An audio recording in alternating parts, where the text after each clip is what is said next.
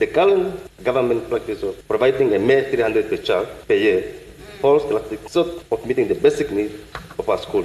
One wonders how your red government, the corporate government, allowed at this amount. This amount is insufficient to cover essential expenses such as making copies, buying papers for copies, and acquiring necessary supplies like copy machine, ink.